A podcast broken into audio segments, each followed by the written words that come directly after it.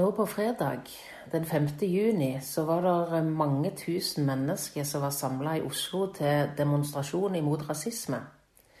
Bakgrunnen var jo fokus på rasismen som er blitt utløst av at George Floyd døde etter å ha blitt pressa i bakken i nesten ni minutter av en hvit politimann mens han skreik at han ikke fikk puste. En forferdelig situasjon som, eh, som gjør et djupt inntrykk. Og kampen imot rasisme er virkelig både viktige og eh, riktige. Men i ei tid med korona og covid-19 så var det et begrep som kom opp i nyhetene i den forbindelsen. Og det var uttrykket superspreder. Superspreder. Superspreder det er altså at når mange mennesker samles med mindre enn én meters avstand, så øker risikoen for spredning betydelig. Én person kan smitte veldig mange. Så kan du spørre hva har dette med dagens tekst å gjøre? Du kan jo ta det med deg, for jeg skal komme tilbake igjen til det helt imot slutten. Det som er dagens tekst, det er misjonsbefalingen, sånn som den står i Matteusevangeliet kapittel 28 og ifra vers 16. Men de elleve disipler drog til Galilea, til fjellet hvor Jesus hadde satt dem stevne. Og da de fikk se ham, falt de ned og tilba ham. Men noen tvilte. Og Jesus trådte fram, talte til dem og sa, Meg er gitt all makt i himmel og på jord. Gå derfor ut og gjør alle folkeslag til disipler, idet dere døper dem til Faderens og Sønnens og Den hellige ånds navn, og lærer dem å holde alt det jeg har befalt dere. Og se, jeg er med dere alle dager inntil verdens ende. Vi kan se for oss den gjengen som Jesus snakket til er det samme gjengen som Jesus kvelden før han døde, på skjærtorsdagskvelden, sa følgende til. I natt så kommer dere alle til å ta anstøt av meg. Dere vil stikke av, alle sammen. Og når Peter prøver å si noe om at ja, men jeg kommer aldri til å gjøre det, Jesus, så sier Jesus, du òg, Peter, i natt før hanen galer, skal du ha fornekta meg tre ganger. Det var altså ikke noen gjeng med elitesoldater eller Telemarksbataljonen. De var redde, de var usikre, og når det sto på, så stakk de av. Men det var altså denne gjengen som fikk oppdraget. Det er denne gjengen du ser på pinsedag, noen dager seinere, noen uker seinere kanskje, vi leser om det i apostelgjerningene kapittel 2, der Peter faktisk står fram så frimodig. Ikke bare iblant en liten gjeng, men blant alle de som er samla i Jerusalem for å feire pinse. Der stiger Peter fram, og så forkynner han frimodig om Jesus. Og det er 3000 som tar imot Jesus og blir døpt. Og når vi leser i apostelgjerningene, så kan vi lese om at Peter og Johannes, disiplene, apostlene, de fortsetter å vitne om Jesus til tross for trusler, til tross for tortur, til tross for forfølgelse. Hva er det som har skjedd med dem? Hva er det som har skjedd etter skjærtorsdagskvelden? Hva er det nye? Det er sikkert mange ting. Men det er tre ting som jeg hadde lyst til å streke under. For det første de har møtt den oppstandende Jesus Kristus. De møtte Jesus etter oppstandelsen. Jesus møtte de ikke med en pekefinger, med å gni inn nederlaget deres. Men han kom de i møte, kom og sa, Sjå hendene mine, fred være med dere. Dere er mine vitner. Altså Det var på en måte som at han reiste de opp. Han tilga de. Han satte de i stand til, videre, til et videre liv og en videre tjeneste. Deres sorg, skuffelse og nederlag ble vendt til glede og frimodighet. fordi at de hadde møtt Jesus, og sånn som han møtte dem. Det andre som har skjedd, det er at Den hellige ånd har kommet. Jesus hadde jo sagt det til disiplene. Dere skal få kraft når Den hellige ånd kommer over dere. Og nå var dette løftet oppfylt. Kraften Den hellige ånd. Og så det siste punktet, det tredje punktet, som jeg hadde lyst til å stanse litt lenger med. Det er at disiplene, eller apostlene, de hadde nå skjønt mye mer av hvem Jesus var. De hadde fått en ny forståelse av Det gamle testamentet. At Jesus var den Messias som Det gamle testamentet hadde talt om. Og Messias var ikke bare en konge, en frelser, en politisk redningsmann. De hadde nok hatt en anelse. De hadde sett noen glimt. Men de hadde aldri helt forstått hvem Jesus virkelig var. For deres forventning til Messias den var jo naturlig nok som resten av jødene sin. De venta på en konge, de venta på en befrier fra romerne, en politisk leder. Og så ble det på en måte full krasj for dem når Jesus snakket om sin lidelse, død og oppstandelse. De forsto det ikke. Messias død. Jeg har tenkt spesielt på dette når det er at de sang lovsangen etter at de hadde spist påskemåltidet på skjærtorsdagskvelden. Og jeg tipper at de tenkte tilbake på det sjøl òg. For hør hva de sang rett før de gikk ut til Getsemanehagen. Avslutningen på Salme 118, som var den siste delen av lovsangen som, en, som ble sunget etter at en hadde spist påskemåltidet. Hør Salme 118 ifra vers 19. Lukk opp rettferdighetens porter for meg. Jeg vil gå inn gjennom dem. Jeg vil prise Herren. Dette er Herrens port, de rettferdige skal gå inn gjennom den. Jeg vil prise deg fordi du svarte meg og ble meg til frelse. Den stein som bygningsmennene forkastet, er blitt hovedhjørnesteinen. Av Herren er dette gjort, det er underfylt i våre øyne. Dette er dagen som Herren har gjort. La oss fryde oss og glede oss på den.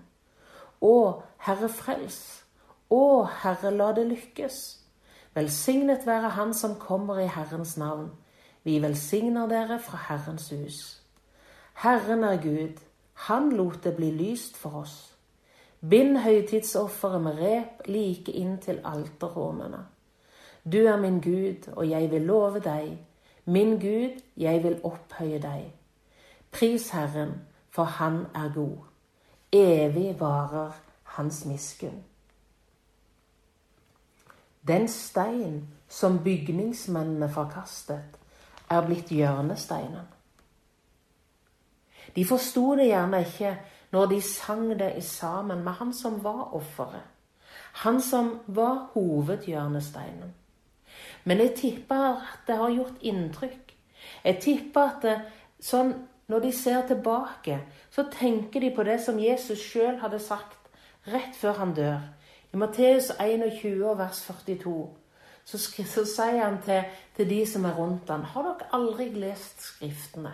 Har dere lest om Han som skulle komme, være hovedhjørnesteinen? Og så er det det som blir så viktig i Peters egen forkynnelse, når han skal si noe om hvem Jesus er. Betydningen av Jesus. Når han vitner om Jesus, så er han opptatt av akkurat dette, at Jesus er hjørnesteinen. Hør hva han sier i apostelgjerningene kapittel 4 og vers 11.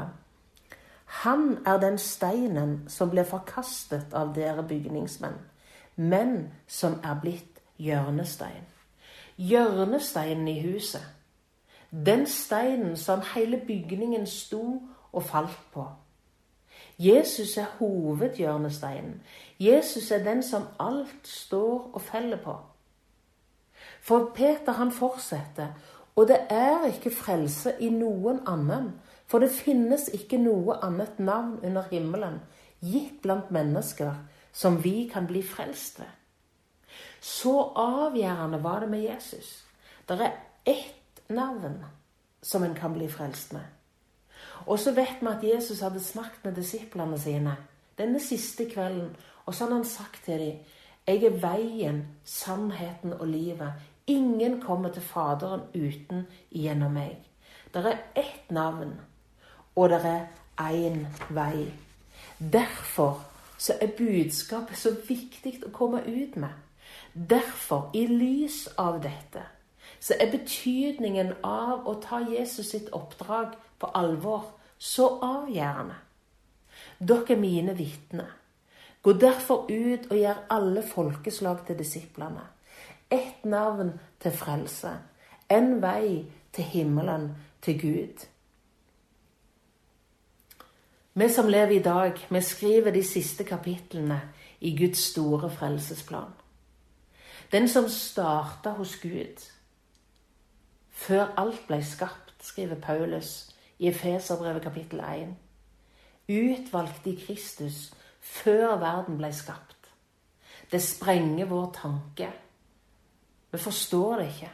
Men Bibelen beskriver det sånn. Det starta hos Gud. Og så legges det ut til oss mennesker gjennom profetier og forbilder om frelsen og om frelseren i hele Det gamle testamentet. Og så skriver Paulus til menigheten i Galatia om det øyeblikket når Jesus kom. Han skriver i kapittel 4, vers 4. Når tidens fylde kom, så utsendte Gud sin sønn. Født av ei kvinne, født under loven, for å kjøpe de fri som var under loven, for at vi skulle få barnekår. Da kom han som profetiene, som forbildene i Det gamle testamentet hadde talt om. Da kom Jesus for å utføre oppdraget, frelsen. I dag så er det vår etappe i Guds store frelsesplan. Dere er mine vitner. Det starta med apostlene. Gå derfor ut. Dere er mine vitner. Nå er det oss. Denne store redningsaksjonen, denne store frelsesplanen, den pågår fortsatt. Helt til Jesus kommer igjen. Og da er det viktig at du og jeg som har møtt Jesus, at vi er trufaste, og at vi fullfører løpet, vår etappe. Og så leste vi her i misjonsbefalingen, vi leste her i teksten, om å gå ut, og om å døype, og om å lære. Altså Det handler om at folk kan få kontakten med Jesus. Få kontakten med Frelseren. At vi kan fortelle og vitne om Jesus, sånn at mennesket kan ta imot ham. Det ene navnet, den ene veien. Og så handler det om å lære. Om å gå på veien. Om å leve med Jesus i en levende relasjon. Det handler om Bibelen. Det handler om å bli kjent med Jesus gjennom å lese om det som han gjorde. Høre det som han sa, gjennom hans sitt ord. Lære å kjenne Gud og det evige gjennom hans sitt ord. Men det handler òg om å gjøre en erfaring med Jesus. Det hebraiske ordet for å kjenne, det er ikke bare knytta til kunnskap. Det å kjenne Jesus er ikke bare å lære masse om Jesus. Men det er òg et ord som sier noe om å gjøre erfaring med, få et personlig kjennskap til. Leve nær, leve sammen med. Jeg starta med uttrykket 'superspreder'. Det var altså en fare når mange mennesker samles, tusenvis av mennesker, og de står veldig nær hverandre. Hvis det var én smitta som var nær så mange, så kunne han jo selvsagt smitte veldig mange. Og derfor så blir den ene kalt for en superspreder. I forbindelse med demonstrasjonen i Oslo, i en situasjon med frykt for smittespredning av covid-19 og korona, så snakker vi om en fare for smitte. En fare for å være en smittespreder. Men her, i vår tekst, i misjonsbefalingen, der det står om det store oppdraget, så tenker jeg det blir meningsfullt å snakke om en mulighet for å kunne smitte. Det er en sang som går sånn Kan jeg få smitte deg litt med ekte glede? Og her er det altså ikke snakk om bare ekte glede, men her er det snakk om Kan jeg få smitte deg litt med det som jeg sjøl har fått hos Jesus? Fått kontakt med Han som er det ene navnet til frelse. Han som er veien til himmelen. Det var jo det som skjedde i apostelgjerningene. Disiplene de gikk ut med en Jesus-smitte som gjorde at der de kom, gjennom det de sa, det de gjorde, det de levde, så smitta de nye mennesker med Jesus. Jesus han er sjøl den store smittekilden. Han som sa 'Meg er gitt all makt i himmel og på jord'. Han som sa 'Gå derfor ut og gjør alle mennesker til mine disipler'. Han som avslutter med å si 'Og se, jeg er med dere alle dager, alle slags dager'. Det handler altså om å være nær den store smittekilden. Være nær Jesus. Og så handler det i neste omgang om å være nær andre mennesker. Da blir man en superspreder. Når det er at man er nær andre med den smitten, den Jesus-smitten, som man sjøl har fått. Det handler altså ikke nødvendigvis om alt man sier, alt man får til. Men det handler rett og slett bare om nærhet til smittekilden nærhet til Jesus og nærhet til de mennesker som vi ønsker å smitte med den gode Jesus-smitten, med det gode budskapet om frelse og om evig liv. Amen.